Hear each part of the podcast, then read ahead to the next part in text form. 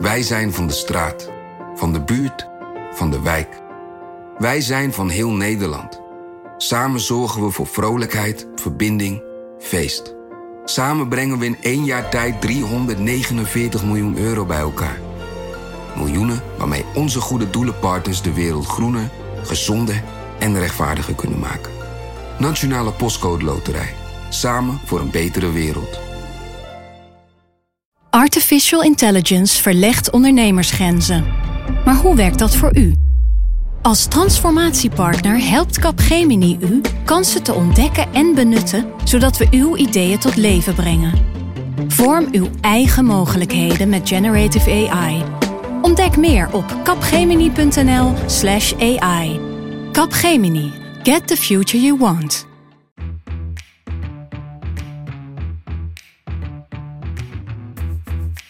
Dit is Haagse Zaken. Mijn naam is Lemia Aharwai. We staan nu al zo lang op de wachtlijst en het klokje tikt door. Waar we het in dat kader over moeten hebben is onverschilligheid of gemakzucht. Zou ik opnieuw voor de keuze staan, dan zou ik niet opnieuw hetzelfde besluit nemen.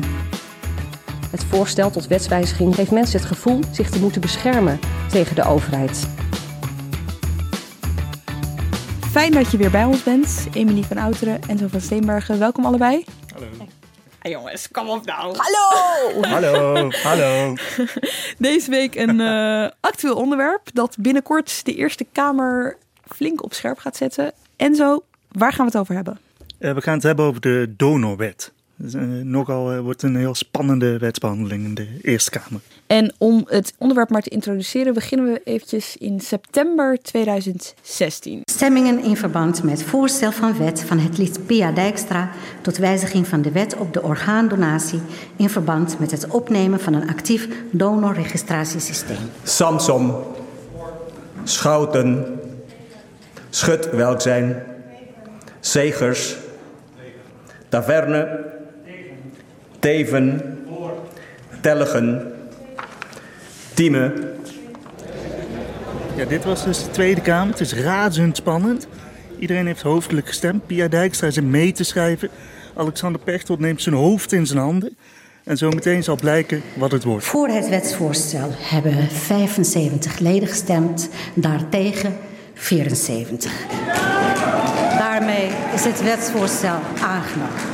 Kleine omhelzing van Pechtold en uh, Dijkstra, die verbaasd kijkt. En dan is nu de vraag, mevrouw Pia Dijkstra, bent u bereid de verdediging van het wetsvoorstel op u te nemen? Straks in de Eerste Kamer natuurlijk. Mevrouw Pia Dijkstra. Voorzitter, ik denk aan al die patiënten op de wachtlijst. En dat is waarom ik zo ontzettend blij ben dat we hier een meerderheid hebben gehaald. En ik zal met heel veel plezier ook in de Eerste Kamer proberen met argumenten uh, die uh, de senatoren te overtuigen om voor deze wetswijziging te stemmen. En ik hoop, voorzitter, misschien kunt u nog een beetje van steun zijn om te zorgen dat dat snel kan gebeuren. Dank u. Dank u wel en ik wens u daarbij veel succes. Het was echt nippertje. We hoorden het net 75 voor, 74 tegen. Er was ook nog een Kamerlid dat dit hele verhaal had kunnen veranderen. Ja, het was dus 75, 74. Dat als je optelt tot 150 ontbreekt daar één iemand. Dat was uh, Frank Wassenberg van de Partij voor de Dieren. Die had zijn trein gemist. Uh, Altijd en dat, Dennis. Nou ja, ik geloof dat het echt zijn eigen schuld was. Ja, dat er niet eens schuld, uh, vertraging was. Oh, hij, had het, hij had gewoon niet, uh, dit niet goed gepland. En bij 75, 75 zouden de stemmen gestaakt zijn. En had dit voorstel nooit de Eerste Kamer bereikt. En dat is wel voor de Senaat ook een heel belangrijk punt. Want die zetten altijd heel erg op de zorgvuldigheid van de wetgeving. En ik hoorde een senator die zei: ja, we moeten hier dus om iets, een klein dingetje te veranderen aan hoe we een burgemeester of een commissaris van de koning benoemen, een tweederde meerderheid hebben, want dat is grondwet. En dit, wat raakt aan grondwetten, integriteit van het menselijk lichaam, persoonlijke levenssfeer. Daarvoor kunnen wij dus nu, behandelen wij nu een wet die, omdat iemand zijn trein gemist heeft, überhaupt de Eerste Kamer bereikt heeft. Mm -hmm. en, en dus er zijn veel zorgen over politiek en maatschappelijk draagvlak als het ook in de Eerste Kamer, dat zou kunnen, op één stem aankomt. Ja, het was voor veel partijen een uh, vrijstemming. Dus, die, dus ieder Kamerlid mocht zelf beslissen wat hij zou doen. Dat was bij veel fracties zo. We weten nog niet van alle fracties in de Tweede Kamer. Ik weet dat wel dat in de Eerste Kamer eigenlijk elke fractie vindt dat, ze, dat hun leden vrij zijn om hier een eigen afweging over te maken. Omdat het een principiële overtuiging is. Of je vindt dat de overheid hier zich mee mag bemoeien. Um, dus natuurlijk de partij van de initiatiefneemster, Pia Dijkstra, D66, zal waarschijnlijk voorstemmen. Ook van de SP heb ik begrepen dat zij allemaal voor zullen stemmen. Maar bijvoorbeeld CDA, wat, die wel collectief tegen waren in de Tweede Kamer, daar zal gemengd gestemd worden. Net als bij VVD en ook PvdA. Uh, we gaan het zo uitgebreid hebben over de Eerste Kamer. Eerst even de Tweede Kamer. Want wat interessant was, en dat is ook goed om uh, in de gaten te houden straks als de Eerste Kamer er uiteindelijk over gaat stemmen, is bij de VVD zag je bijvoorbeeld dat er zeven Kamerleden waren in de Tweede Kamer die voorstemden, terwijl de rest van de fractie tegenstemde. Ja, en bij de PvdA was het andersom. Daar had je één Kamerlid dat tegenstemde, terwijl de rest van de fractie voorstemde. Ja, even die wet en zo. Ja. Hoe is het nu geregeld? Nou, het gaat over orgaandonatie. Dus uh, iemand overlijdt, er staan mensen op een wachtlijst voor uh, bijvoorbeeld nieren. En die willen organen van degene die is overleden. Je hebt ook levende orgaandonatie, maar dit gaat eigenlijk over de organen van mensen die overleden zijn. Nu is het zo dat je uh, in een registratie kunt invullen of je je organen wil doneren na je overlijden. dat moet je dus zelf gaan doen. Je moet, als je 18 wordt, mag je op internet kun je invullen. ik wil mijn organen doneren, ik wil een deel van mijn organen doneren. Ik wil niet mijn organen doneren. Uh, maar het kan ook zijn dat je dat helemaal niet invult. Je krijgt er is ook nog de optie. Er is ook nog de optie toch dat je zegt: ik laat dat aan mijn nabestaanden. Ja, ik laat het aan mijn nabestaanden. Dat kan ook. Dus die drie opties zijn er nu. Je krijgt inderdaad een brief als je 18 wordt en dan word je zeg maar opgeroepen om een keuze in te vullen. Veel mensen doen niks, want vergeten het, willen niet nadenken over dat ze ooit doodgaan, uh, vinden het eng. Uh, en als je niks doet en je overlijdt in het ziekenhuis, dan zal het uh, zo zijn dat een arts naar je nabestaande toe gaat. Die loopt dan uh, de nabestaande kamer in en die zegt: Nou, uw naaste is overleden. er is geen keuze ingevuld in het donorregister. Wilt u dat de organen van uw geliefde ter beschikking worden gesteld aan andere mensen? Nou, wat je heel vaak ziet, is dat mensen dan heel verdrietig zijn natuurlijk, in rouw. Mm -hmm. En ook om die reden misschien wel er niet goed over na kunnen denken op dat moment. Niet weten wat hun naaste had gewild. Uh, en dat ze dan nee zeggen. Het is de bedoeling dat als deze wet verandert, uh, dat je automatisch staat geregistreerd als geen bezwaar. Wat er dan gebeurt, is dat een arts na het overlijden naar je nabestaande gaat en zegt: uw geliefde had geen bezwaar tegen het doneren van organen. Het gaat erom dat de psychologische drempel dan anders mm -hmm. Want die nabestaanden mogen nog steeds dan zeggen... dat had hij niet gewild of dat willen wij niet. Of, uh, maar de vraag wordt wel fundamenteel de, ja. anders gesteld. Ja, dus, dus uh, artsen, intensive care artsen, daar gaat het dan vaak om. Ik heb ook een aantal gesproken deze week. Uh, en die zeggen van, nou ja, als je de vraag op die manier kunt stellen... dan is, het, is de keuze voor nabestaanden eenvoudiger om toestemming te geven. Ja. Wat dus uiteindelijk meer uh, orgaandonoren zou moeten opleveren en de wachtlijsten zou moeten verkleinen. Ja, en in het proces daarvoor, je krijgt dus een oproep om aan te, aan te klikken of je het niet wil in dit geval. Als je niet reageert, krijg je na zes weken nog een oproep. Dat is het plan. En als je dan niet reageert, dan sta je dus in principe als geen bezwaar. Uh, geen bezwaar, inderdaad. Oké. Okay. Ja. En de categorie ja bestaat ook nog steeds. Hè? Je kan ook nog steeds ja. je volmondig uitspreken voor orgaandonatie. Dat maakt natuurlijk voor je nabestaanden nog makkelijker als je dat wel gedaan hebt. Dus ja. er komen, het is niet zo dat iedereen die niet zegt en iedereen die ja zegt in hetzelfde register terechtkomt. Mm -hmm. Daar is nog steeds wel degelijk onderscheid tussen. Ja. Ja, nou gaat de, de Eerste Kamer daarover debatteren uiteindelijk. En uh, dat is spannend, want het is echt nog lang niet duidelijk wie hoe gaat stemmen. En het is natuurlijk een mega ingewikkeld onderwerp. Dat raakt aan ook ja, je eigen principiële levenskeuzes. Wat je wel of niet met jouw lichaam wil, ook als jij er zelf niet meer bent. Um, de Eerste Kamer heeft uh, twee deskundige bijeenkomsten uh, georganiseerd. Waarin ze dus uh, patiënten uh, hoorden, nabestaanden en allerlei verschillende deskundige artsen bijvoorbeeld. Ja, wel twintig mensen zijn er geweest. Ja, ja precies. Het was ook verspreid over de twee dagen. En dat is wel heel, heel interessant om even naar te luisteren. Laten we even beginnen met de deskundige. Korte compilatie wat je dan bijvoorbeeld te horen krijgt. Met deze wet wordt getornd aan het fundament van individuele vrijheid. Het wetsvoorstel komt neer op onteigening van het meest persoonlijke en primaire bezit van het individu, je eigen lichaam. Geen bezwaar is helemaal niet wat de betrokken patiënt heeft laten registreren. Die heeft namelijk niets laten vastleggen. Om het karakter van dit wetsvoorstel te schetsen zou ik graag een vergelijking willen maken met de actieve stemplicht. Die hield in dat mensen een opkomstplicht hadden feitelijk en dan uh, vervolgens in het stemhokje mochten ze doen wat ze wilden. In deze discussie staat niet het hersendoodprotocol op de agenda. Ook staat de vrijheid van mensen niet ter discussie. De keuze voor of tegen donorschap blijft gewoon overeind. Alleen het is de vraag wie die keuze maakt. Bij een catastrofaal drama dat voorafgaat aan de potentiële orgaandonatie past absoluut geen zakelijkheid en zeker geen invulling van een veronderstelde mening. Over het verschil tussen een opt-in en een opt-out systeem verwijs ik ook graag naar het rapport van professor Ploeg. Dat effectief beleid op twee pijlers berust. Enerzijds allerlei aanpalende maatregelen zoals aparte donatiecoördinatoren in ziekenhuizen, goede communicatietrainingen, etc. Maatregelen die we in Nederland reeds hebben uitgevoerd. Eh, anderzijds een systeem van donorregistratie dat wel getypeerd wordt als opt-out. Die landen die dat beide hebben doorgevoerd zijn nu koploper in Europa.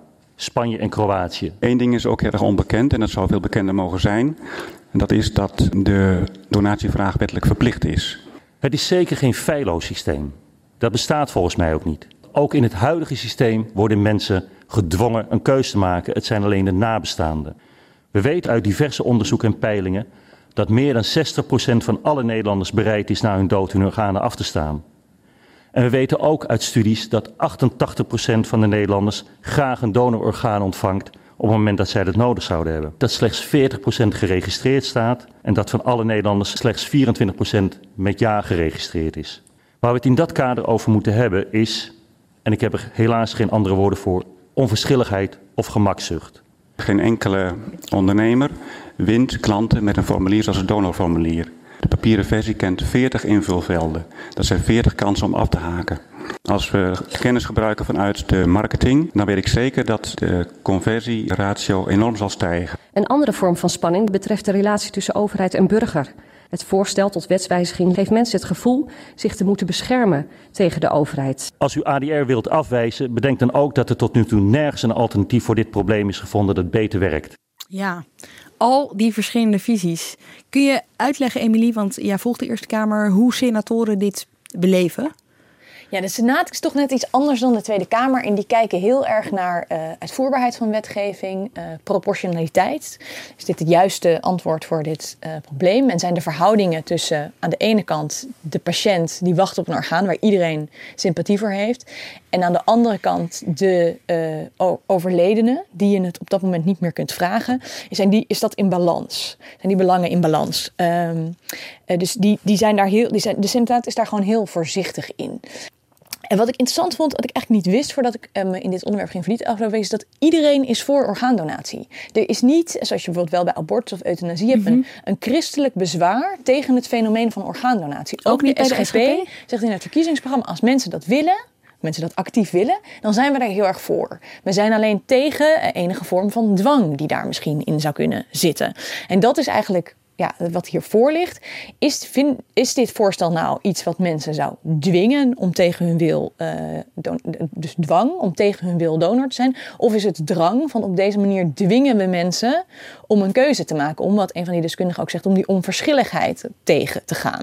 En dat is eigenlijk fundamenteel waar dit over gaat. Dus is dit, um, motiveert dit mensen om een keuze te maken of dwingt dit mensen? Ehm, dat, dat, daar zullen zij heel erg op letten. Ja, en dan hoor je natuurlijk al die visies van al die verschillende deskundigen.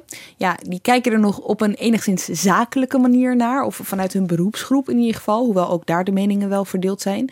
Maar dan hoor je ook die patiënten praten. En dat is natuurlijk een heel ander verhaal. Ja, daar komt de emotie in dit daar debat komt binnen. de emotie juist heel erg binnen. Mijn levensmotto is Hakuna Matata. Dat betekent geen zorgen. Alhoewel ik mij nu steeds meer zorgen begin te maken, want de tijd dringt. De cardioloog vertelde mij dat als ik niet snel een hart krijg, dat ik mijn 25ste verjaardag niet haal. En ik ben nu bijna 24. Ik sta nu al zo lang op de wachtlijst en het klokje tikt door. Maar mijn rikketik die tikt steeds minder. Het is echt vreselijk om elke dag op te staan en te denken dat er weer een dag verloren is. Weer een dag geen telefoontje, weer een dag geen donor. Het maakt niet uit wat je registreert, maar dat je registreert. Met mijn verhaal kan en wil ik niet om jullie hart vragen, maar ik vraag om met uw hart te denken en positief te stemmen op dit wetsvoorstel. Ik heb uw hart nodig. Op vrijdag 13 maart wordt Boris onwel en krijgt een hersenbloeding. Men wilde mij wegloodsen. Ik bleef bij mijn man. Binnen vijf minuten kreeg ik van de neuroloog te horen dat de situatie hopeloos was en of we zijn organen wilden afstaan.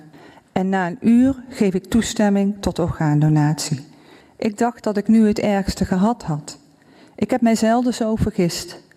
Boris werd onderworpen aan afschuwelijke onderzoeken. Er werd ijswater in zijn oren gespoten. Er werden slangen via de luchtpijp naar binnen gebracht om longen en hart goed te keuren. De tol die ik betaal voor mijn nabijheid aan mijn man zijn de beelden die gebrand staan op mijn netvlies. Zou ik opnieuw voor de keuze staan, dan zou ik niet opnieuw hetzelfde besluit nemen. Ik weet nu waarop ik ja heb gezegd en het zijn ervaringen die ik niemand toewens.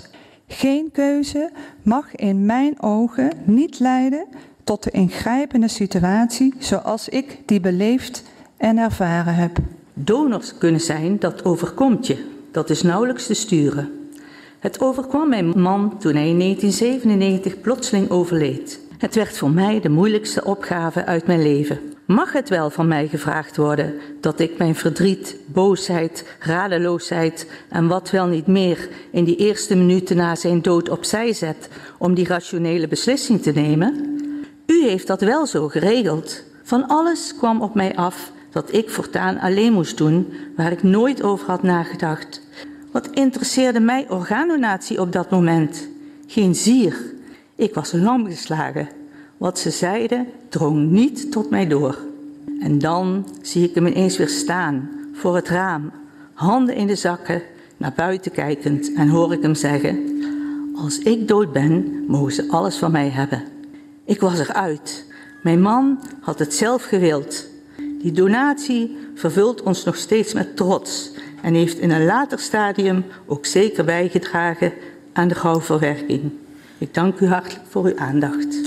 Zo uh, diep gaat het natuurlijk. Hè? Dit is waarover die senatoren straks een beslissing moeten nemen. En wat je hier sowieso hoort zijn twee nabestaanden. Die eigenlijk uh, de overeenkomst in hun verhaal is. Op het moment dat uh, mijn geliefde was overleden, was ik eigenlijk niet in staat een beslissing te nemen. Dus daar zou, zou de wet iets aan kunnen veranderen. En het eerste meisje eigenlijk wat je, wat je hoorde, zij is nu van de wachtlijst af. Oh, ze is geholpen? Nee, ik sprak er deze week en er is na deze bijeenkomst is bij haar ontdekt dat... Um, uh, dat ze niet meer geschikt was voor, uh, voor een nieuw hart, omdat er een uh, spierziekte is ontdekt. Mm -hmm. dus haar hart zou dan wel sterker worden, maar haar ziekte zou niet opgelost zijn.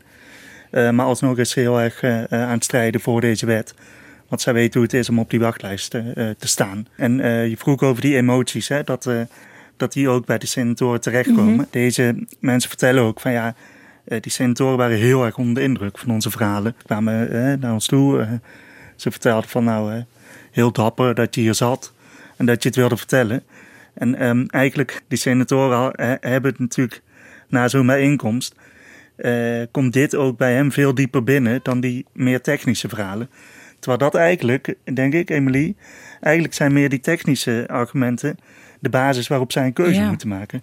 Ja, het is natuurlijk allebei waar. Het is wel zo dat het voor de Eerste Kamer uitzonderlijk is. Niet dat ze daar nooit medisch-ethische onderwerpen behandelen, maar die, die zitten niet in de actualiteitswaan van emoties. Van er is, iets, er is iets gebeurd en daar moet de politiek iets van vinden. Dat, dat, de Eerste Kamer gaat echt puur en alleen over wetgeving. Dus wat dat betreft is het voor hun uniek dat ze zo'n debat doen waar zoveel emotie bij komt, komt kijken. Maar ze proberen natuurlijk altijd oog te houden voor de mensen die het uiteindelijk aangaat. Maar ja, dat is iets heel anders als je stemt over uh, de hypotheekrente aftrek. Ja. Uh, die, ja, die voor sommige huizenbezitters misschien een klein negatief financieel gevolg kan hebben. Of je beslist over, ja, je, je beslist niet uh, je beslist eigenlijk over leven en dood voor sommige mensen. Want als er, als er meer transplantaties kunnen plaatsvinden, kan dat le leven betekenen voor mensen die nu overlijden. Ik bedoel, die wet is in 2016 in de Tweede Kamer aangenomen, wordt in 2018 in de Eerste Kamer besproken. In het jaar daartussen, ik kreeg daar gisteren nieuwe cijfers over, zijn 137 mensen op de wachtlijst overleden. En 134 mensen, daar zal uh, de mevrouw die jij gesproken hebt ook misschien onder vallen, zijn van de wachtlijst afgeschreven omdat ze te ziek zijn geworden. Dus dat zijn gewoon 270 mensen die, uh, die anders misschien geleefd Maar dit zijn cijfers die ook bij die senatoren uh, terechtkomen. En hoe ernstig dit ook is, en we voelen er allemaal wel wat bij, het is ook een drukmiddel. Nou ja, het is, het is een drukmiddel, het is ook een feit. De vraag is alleen, gaat die nieuwe wet dat probleem oplossen? Dat kun je niet zeggen. Je kunt zeggen, de huidige wet die we nu hebben, die komt uit mijn hoofd uit 1998, die doet niet wat we graag zouden willen dat die doet, namelijk zorgen dat er genoeg uh, transplanteerbare organen zijn om de levens van mensen die een orgaan nodig hebben te redden. Dat doet die wet niet. De vraag is, doet die nieuwe wet dat wel? En dat kun je natuurlijk niet voorspellen. Je kunt niet zeggen dat die nieuwe wet dat gaat regelen. Andere landen waar die dit systeem al hebben, daar is inderdaad het percentage um, uh, donoren is hoger. Meer mensen hebben een keuze gemaakt. Meer mensen die geen, geen bezwaar hebben gemaakt, worden uiteindelijk donor. Uh, maar dat, ja, dat betekent niet dat de slagingskansen van operaties ook geweldig zijn. Of uh, er zijn ook nog weer verzachtende omstandigheden dat in het ene land meer verkeersdoden vallen dan in het andere wat land. wat een invloed heeft. nou, verkeersdoden schijnen de beste donoren te zijn. Dat zijn vaak relatief jonge mensen met goede organen die plotseling overlijden terwijl hun, op de intensive care terwijl hun organen bruikbaar zijn. Mm -hmm. Dat soort. Dus er spelen heel veel extra factoren mee die die Senaat doen vermoeden, doen vragen: is dit proportioneel? Ja. Als je bijvoorbeeld kijkt, uh, de belangrijkste groep mensen, uh, de grootste groep mensen, sorry, wacht op een nier. Nou, nieren, daar hebben we er allemaal twee van. Je zou ook kunnen denken: moeten we die niet bij leven wat meer doneren in plaats van te wachten tot mensen dood zijn? Of um, ja, is, zijn, is het huidige systeem tot het maximale gerekt. Ja, want... Het feit dat zoveel mensen hun donorformulieren niet invullen, kunnen we daar iets aan doen? Dat zijn allemaal dingen die, die allemaal vragen waar die senatoren nog mee zitten. Dat is interessant, want toen die wet, de huidige wet op de orgaandonatie werd ontwikkeld, toen gaf de regering al aan dat een geen bezwaarsysteem, zoals dus de wet die er nu ligt, in de toekomst een optie zou zijn. Maar er moest dan wel voldaan worden aan de criteria van subsidiariteit. Dus is het middel beter dan de alternatieven voor het verhogen van het aantal donoren? En inderdaad de proportionaliteit. Is het middel effectief genoeg om dit te bereiken?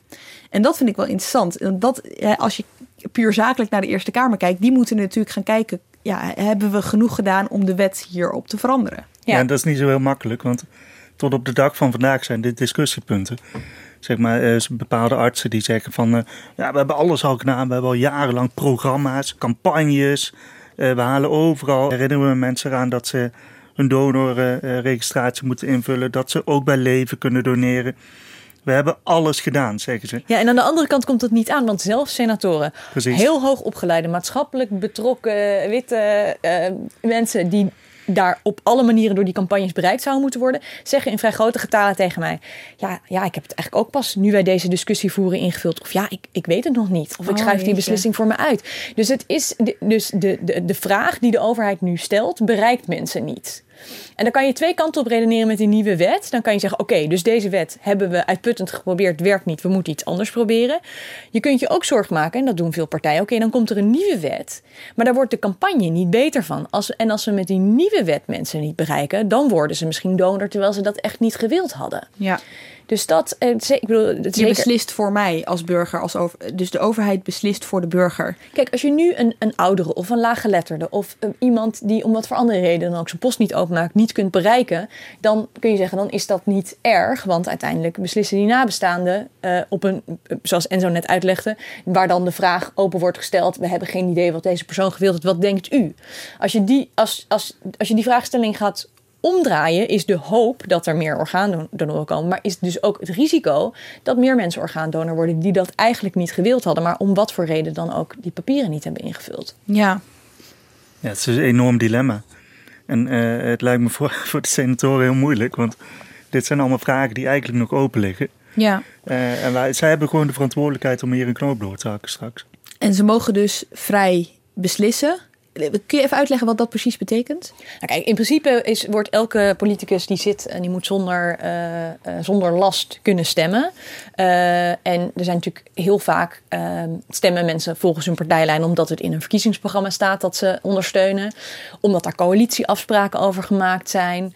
Of omdat het, het logisch wordt gevonden binnen een bepaalde ideologie. Dat speelt hier allemaal niet. Er zijn geen coalitieafspraken over gemaakt. Sterker nog, het kabinet spreekt zich er expliciet niet over uit. Dat vinden senatoren ook lastig. Want een deel van de vragen die zij dinsdag in het debat hebben gaan, zijn voor Pia Dijkstra de van hoe zie je dit voor je? Hoe zou die wet moeten, moeten uitgelegd moeten worden. Maar een heel groot deel zit ook in de uitvoering. Hoe gaan we mensen dan benaderen? Mhm. Wat is dan de vraag die de arts stelt? Welke, bevoegd, welke mogelijkheden hebben nabestaanden? Dat zit allemaal aan de uitvoeringskant. En er zit een, minister, minister Bruins gaat dat, gaat dat doen. Die uh, nou, misschien deels de wat als vragen kan beantwoorden. Wat als deze wet wordt aangenomen. Maar er geen mening over mag hebben binnen dit kabinet waar D66 in zit. Maar ook een partij als de, als de ChristenUnie. Nou, er wordt bij initiatieven wel altijd gevraagd van het kabinet om een mening te hebben. En die geven ze niet altijd, maar meestal wel. Er zijn ook een aantal initiatiefwetten die in het regeerakkoord expliciet ondersteund worden. Dus dat maakt, het, dat maakt het extra ingewikkeld. Want het is het kabinet van D66 en ChristenUnie dat dit straks zou moeten gaan uitvoeren. Want er staat niks over in het regeerakkoord. Nee, nee het regeerakkoord is ook volkomen neutraal. Dus het kabinet doet er echt alles aan om neutraal te blijven. Uh, hoewel inderdaad senatoren dat lastig vinden. Ja. En dat is lastig, want, want de overheid is weer niet neutraal. Ik bedoel, de zorg is ook van ons allemaal. Ja. En uh, er zijn ook allerlei rapporten en zaken verschenen die door lobbyisten of door verenigingen, organisaties gebruikt worden. Uh, als argument, met name voor deze wet, die ook van de overheid afkomstig zijn. Uh, dus die neutrale positie is, Ja. is een hele ingewikkelde. Ja, want en eh, er wordt er dus uh, goed, het wordt verdedigd in de Eerste Kamer. Pia Dijkstra is er dan en de minister is er. En dan is het gewoon het afvuren van zoveel mogelijk vragen door die senatoren. Ja, het zal heel erg. Je hebt natuurlijk vaak uh, een debat wat een uitwisseling van ideeën zou moeten zijn, maar dat in de politieke Mhm. praktijk natuurlijk uh, laten mensen zich niet snel overtuigen. Het zal hier voor de meeste, sommige partijen wel hoor, de D66 is daar heel duidelijk in en ChristenUnie is daar heel duidelijk in, zal het niet zozeer stellingname zijn in de eerste fase van dit debat, maar echt heel erg nog van hoe moeten we dit uitleggen, hoe moeten we dit zien, hoe uh, en dan zou je denken wat raar, want we hebben het hier al, we hebben het hier al jaren over, maar uh, Dijkstra heeft nog wel wat toezeggingen gedaan in de loop der tijd om, om die wet iets verteerbaarder te maken voor, voor verschillende partijen en belangen. Want waar liepen ze dan het meest tegenaan, partijen? Uh, nou, ik, ja, ik merk dat het heel erg veel gaat over de rol van de nabestaanden. Je hoorde ook twee in het uh, fragment. Ja. Uh, die, die ervaringen zijn gewoon heel erg verschillend. En dan zijn er mensen die zeggen: Ja, ik vind dat de nabestaanden de, altijd de beslissing moeten kunnen nemen. Er zijn anderen die zeggen: Ja, maar dat gaat juist weer in tegen de zelfbeschikking. Want als ik uh, als persoon heb besloten: ik wil al mijn organen doneren. En mijn, uh, de kinderen van mijn, uh, van mijn ex-vrouw vinden daar ook iets van. Of je hebt natuurlijk hele ingewikkelde familiesituaties waar nabestaanden het ook niet eens zijn. Um, en dan is het nu toch zo dat artsen bij twijfel niet doen. En in die, in die deskundige bijeenkomsten zei de arts ook... ja, die, die praktijk gaat niet echt veranderen. Ja. We zullen altijd luisteren naar de nabestaanden. Wij gaan niet in, een, in iemand, bij iemand organen weghalen als, als daar huilende familieleden zeggen: doe het alsjeblieft niet. Maar dit is natuurlijk wel ingewikkeld, want daarmee kan ook tegen zelfbeschikking ingegaan worden. Nou goed, dat soort, uh, dat soort dingen. Uh, ja, en wat, wat extra moeilijk maakt, is dat er eigenlijk onder artsen ook nog een soort richtingenstrijd uh, gaande is. Hoorden wij deze week. De intensive care specialisten, die dus heel vaak met dit soort met nabestaanden te maken krijgen in dit soort gevallen. Die zeggen precies wat Emeline net zei. Ja, we vragen nu ook al wat de nabestaanden vinden. En wat iemand ook heeft ingevuld, straks vragen we dat nog steeds. En als een nabestaande zegt, nee, ik wil het echt niet. Mm -hmm. Terwijl uh, diegene geen bezwaar heeft ingevuld, ja, dan gaan we het niet doen. Nee, maar zelfs als diegene ja heeft ingevuld, kan, kunnen de ook nabestaanden dat nog ook dan. Ja, tegelijkertijd is de artsenfederatie... Is eigenlijk ook heel raar, is eigenlijk ook heel raar, hè? Want je Ja, kijk, als je al naar die keuze, website gaat en je maakt die keuze, dan moet je wel heel erg ervan overtuigd zijn, blijkt dat je het echt wil. En als je dan alsnog, dus eigenlijk is het niks waard wat dat betreft. Jawel, meestal heb je het er dan ook al met je familie over gehad. En die weten dan uh, wat jouw wens is. Ja, dit is natuurlijk een uitzonderingscategorie hoor, waar mensen ja hebben geantwoord en dan de nabestaanden toch Ja. nee zeggen. Maar het, het kan voorkomen en het is, wordt als argument gebruikt van ja, die zelfbeschikking is al relatief. Ja, oké. Sorry, en zoals even zei, uh, ga door. Ja, ja die, die richtingstrijd. Dat, is de, dat dus de Ja. intensive care artsen zeggen van nou, uh, nabestaanden blijft belangrijk.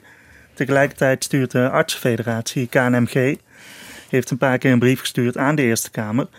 Waarin ze schrijven, ja, dit uh, kan een probleem worden voor intensive care artsen. Mm -hmm. uh, want uh, straks krijgen ze een conflict met nabestaanden. En diezelfde intensive care artsen zeggen... Ja. Ja, één, één intensive, intensive care arts die zei tegen mij... Dat is echt een schandalige brief. van mijn artsenfederatie. Ja. Ja. Ja. nou ja, ga er als senator maar aan staan. Als zelfs zij het dan niet eens zijn. ja, hoe is dat voor ze, Emily? Want jij spreekt ze, hè? Worden ze niet gek? van alle kanten worden. Ik kan me voorstellen namelijk dat ze ook wel bestookt worden door uh, patiënten, door lobbyorganisaties, door Ja, ze, worden, ze, worden, ze krijgen allemaal, juist omdat er dus 75 mensen zijn die allemaal een beslissing moeten nemen. Vaak gaat dat, loopt de lobby toch erg via de, de woordvoerder in dit geval, die over zorg gaat. Maar hier proberen mensen het aan alle kanten. En dat zijn uh, hele emotionele verhalen van mensen die op een orgaan wachten. Nabestaanden die vinden dat ze gedwongen zijn een beslissing te nemen. Uh, deskundigen aan de medische kant die hier vaak voor zijn. Maar er zijn ook juristen die weer vinden dat dit gezien de, de grondwet absoluut niet kan. Die sturen allemaal brieven? Ja, of, komen het, gaat met name, of... het gaat met name via mail. Uh, en dat kan echt tientallen zijn uh, die, die mensen krijgen, zeker deze laatste weken. Dan zijn er ook weer zaken die de discussie vervuilen. Er is een hele actieve uh, club mensen die senatoren bestookt dat ze überhaupt tegen orgaandonatie zou moeten zijn, omdat het fenomeen hersendood, als, als zodra de hersendood wordt vastgesteld, komt iemand in de aanmerking om donor te zijn, dat dat, dat een schande is en niet zou kunnen.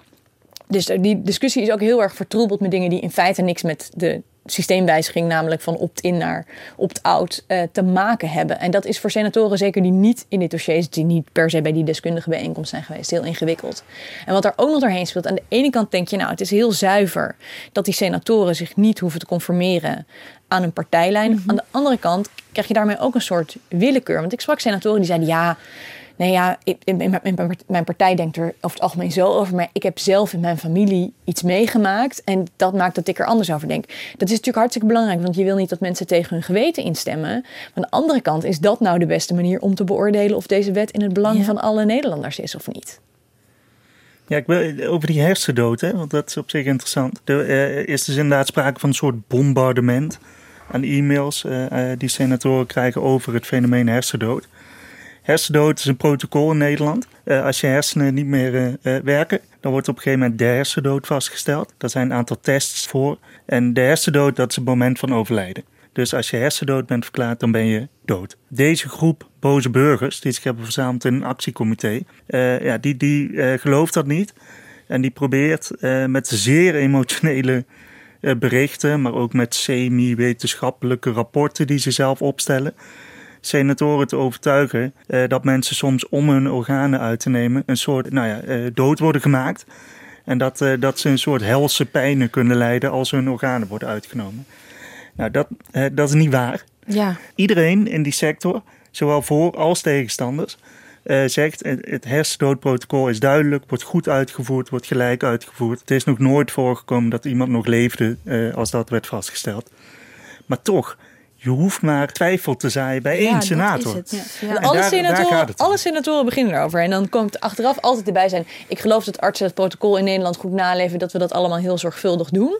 Maar het woord hersendood gonst heel erg in de Senaat. Er zullen ook absoluut vragen over gesteld worden in het, in het debat dinsdag. Dus het heeft wat opgeleverd? Nou ja, die mensen hebben wel een luisterend oor gekregen in de Senaat. Uh, en dat is prima, want het kan dat er onder, onder, onder burgers ook zorgen over bestaan. Dus dan is het goed dat politici dat in een debat benoemen. Alleen het is een van die facetten waarbij je dus denkt: ja, gaat de behandeling van dit initiatief wetsvoorstel over waar het over moet gaan? Of gaat het ook over allerlei andere uh, terechte of onterechte en emotionele zorgen? Ja, de constatering is dus eigenlijk dat het hele proces rond het, de het, debat, maar uiteindelijk ook de stemming over zoiets principieels, dus beveld wordt door fake nieuws. Ja, en, en de zorgen daarover die zijn inmiddels heel erg groot bij de um, voorstanders.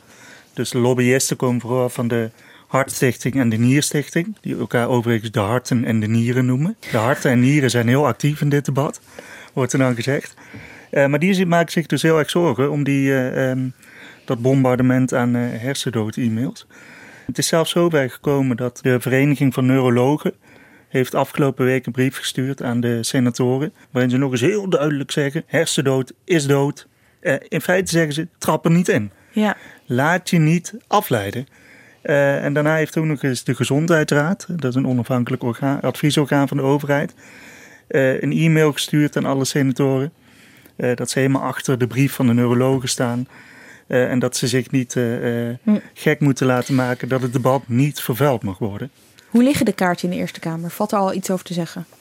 Nou, ik, ik, ik durf daar geen voorspelling over te doen. Ik heb begrepen dat er binnen zowel CDA als VVD mensen zijn die uh, voor deze, uh, van plan zijn voor dit wetsvoorstel te stemmen. Geneigen naar, zeggen ze dan, want ze willen het debat afwachten. Um, dat, zou in, dat zou dus in voordeel van de voorstanders kunnen werken. Aan de andere kant begreep ik bij 50PLUS, die waren in de Tweede Kamer voor, dat, dat er wel heel veel moet gebeuren, wil de 50PLUS-fractie, die daar twee zetels heeft, uh, overtuigd worden. We hebben zelfs nog een onafhankelijke senaatsfractie, ook één zetel, die kan, die kan nog doorslaggevend zijn. Um, mijn gevoel is, ik volg de Senaat nu bijna vijf jaar, dat daar eigenlijk altijd geldt better safe than sorry. De wet die we nu hebben is niet perfect, maar we kunnen onvoldoende overzien wat dit uh, teweeg zal brengen en daarom durven we het niet aan. Uh, dus dus dat, dat, dat is mijn vermoeden, zeker omdat er ook PvdA'ers, die waren dan in de Tweede Kamer weer voor, ook tegen zouden zijn. Uh, vrees, ik het, vrees ik voor de initiatiefneemster dat dit, niet, dat dit nu niet lukt. wat natuurlijk heel verdrietig is voor die voor de mensen die wachten op een orgaan. Um, en dat kan, ja, het, het, kan ook draaien dat ze denken. We hebben in ieder geval aangetoond dat de huidige wet niet werkt. Laten we dan maar iets proberen. Maar dat is meestal niet de houding van de Senaat. Betekent nu niet dat het dan nooit gaat gebeuren? Nou ja, nooit, nooit. Misschien wel ooit, maar voor dit wetsvoorstel is het dan in principe wel voorbij. Ja, kijk, deze coalitie gaat dan niet met iets komen kan je verwachten. Uh, er, er, wordt wel gesproken over, over alternatieven. Er is de, in de vraag in de Eerste Kamer is waarom niet een systeem waarbij je zelf alleen in aanmerking zou komen voor het ontvangen van een orgaan als je ook bereid bent dit af te staan. Uh, er zijn natuurlijk wel andere varianten te bedenken. Uh, maar niet op korte termijn. Dit voorstel, ja, we hebben het hier eigenlijk al over sinds de wet werd ingevoerd. Toen waren het, nou ik begreep het CDA en de SP die opperden um, om oh ja? een dergelijk systeem uh, te creëren, een opt-out systeem te creëren. Terwijl de toenmalige D66-minister Els Borst ging voor dit opt-in systeem. Dus het kan ook weer, het kan ook weer schuiven. het zit vol uh, bizarre draaien. De meningen van, uh, van politici hierin. Maar ook dit voorstel is alweer uit 2012 en wordt nu in 2018 uh, ja. behandeld. Ja, dat soort processen duren gewoon heel erg lang en bieden dan geen oplossing voor de mensen die hierop wachten. Beetje domme vraag misschien, maar kan D66 ook denken: Nou, ik zie, ik, weet je wel, we voorzien dat het uh, heel lastig wordt. We drukken op pauze totdat wij weten dat er uh, wel genoeg steun voor is? Of is het nu gewoon, het moet doorgaan? Daar is wel over gesproken, begreep ik in de Eerste Kamer. Er waren ook met name belangengroepen die dachten: oeh, het is nu, de steun is nu te mhm. onzeker, we wachten. Maar ja, waar wacht je dan op?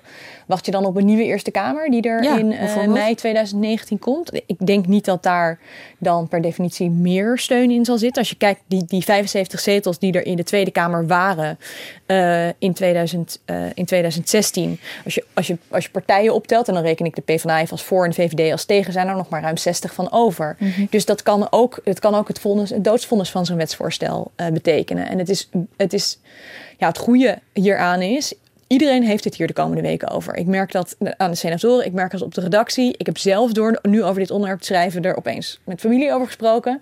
Um, dus ook dit kan een positief effect hebben. Het feit dat die Eerste Kamer zo in het nieuws is, deze wet zo in het nieuws is de komende weken, kan ook een positief effect hebben. Hoewel ook een negatief effect. Hè? Want dat weet jij misschien nog, toen deze wet in, door de Tweede Kamer werd aangenomen, steeg het aantal mensen dat zich negatief registreerde. Ja, van ik wil dit absoluut niet ja. als een soort protest. Ja, een soort protest, ja. Maar eigenlijk is dat was op zich grappig. Want kijk, dat mag ook. Hè. Het gaat erom dat mensen een keuze maken. Dus iedereen die die wet wil, die zegt ook van ja, het gaat er niet per se om. Het gaat uiteindelijk natuurlijk om meer donoren. Maar de keuzevrijheid die is er wel. Je mag ook nee zeggen. Nee, dat zeggen de voorstanders ook. Dat, ze, dat ze niet. Ze, ja. ze, willen helemaal. Ze willen niet mensen dwingen. Wat ze willen is een keuze afdwingen. En dat lukt niet. Ik wil net zeggen. Ja, je, een beetje. Een beetje heel, het is wel een beetje inception. Maar de keuze om een keuze te maken wordt je ontnomen. Of de Daar gaat het om. Ja. Ja de, keuze, ja, de keuze om geen mening te hebben wordt ja, je ook precies. eigenlijk ontnomen. Ja, super ingewikkeld. Uh, ja. Je zal uh, als Eerste Kamerlid. Maar die, die, die pauzeknop, het mag dus, hè, pauze. Maar ik denk ook dat het niet heel veel zin heeft. Nee. Verder, zeg maar, inhoudelijk niks vergeten is iets waarvan je denkt, ja, daar moeten we wel langer beter over doorpraten. Wat ik grappig vind is dat het heel erg een discussie ook is over wat nou liberaal is. Want eigenlijk veel VVD'ers zeggen: nee, het, liberale, het is liberaal om tegen deze wet te zijn. Want die gaat in tegen de grondwet, artikel 10 en 11. Die gaan over het privédomein, over de onaantastbaarheid van het menselijk lichaam. En dan zijn er D66'ers, die zichzelf ook liberaal noemen. En die al zeggen: nee, maar er is juist nu geen zelfbeschikking. Want nabestaanden moeten het, het beslissen. En solidariteit is ook onderdeel van het liberalisme. Ja, dus, dus twee liberale partijen die tegenover elkaar staan. Hebben ze het er veel over trouwens, die Eerste Kamerleden onderling? Gewoon, dat ze, gaan ze ook met elkaar daarover in gesprek? Leeft het? Zeker, zeker. Dit is, uh, in alle fracties is er meerdere keren over gesproken. Uh, sommige fracties, VVD, hebben nog drie sessies zelf georganiseerd. Met zowel mensen binnen de partij die hier deskundig over zijn als, als, als, uh, als anderen. Ik weet dat in het CDA is, zat een fanatieke voorstander. Die is inmiddels onze minister van Financiën. Wopke Hoekstra. Uh, die daar een, een gloedvol betoog heeft gehouden om juist voor deze wet te zijn. Uh, dus, en, en dat ook, uh, hij vertelde me dat hij ook met veel mensen van andere fracties erover gesproken heeft nog in de periode dat hij in de Eerste Kamer zat. Hij heeft zich daar niet meer als minister mee bemoeid, maar wel toen hij daar. Dus het, en dat gaat dus ook over, over fractielijnen heen. Ja. Mensen elkaar hun persoonlijke verhaal vertellen of aan elkaar vragen: ben jij donor? Ja, ik zit nog te denken. Kijk, de oorspronkelijke rol van de Eerste Kamer is natuurlijk ook om al die emoties weg te houden en om te kijken of het kan. Gewoon heel zakelijk. Kan het wettelijk? Staat de wet toe dat er zoiets gebeurt? Ja, maar bij dit onderwerp is dat eigenlijk. De, die kans is verkeken. Dit is een emotioneel onderwerp. En wij hebben er in Nederland hebben we een Eerste Kamer. Dat zijn politiek gekozen mensen die daar een politiek gemotiveerd besluit over nemen.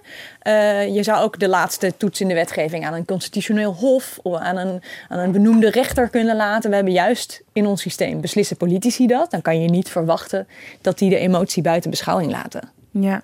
Oké jongens, we gaan het zien. Dank jullie wel, Enzo van Steenbergen en Emily van Outeren. Dank ook voor het uh, luisteren. Volgende week hebben we al de twintigste aflevering van Haagse Zaken van dit seizoen. Zo snel gaat het. En uh, we zijn eigenlijk wel heel erg geïnteresseerd, of ik ben ook heel erg geïnteresseerd in hoe jij er naar luistert, wat je ervan vindt, of je dingen mist, of je dingen nog wil horen.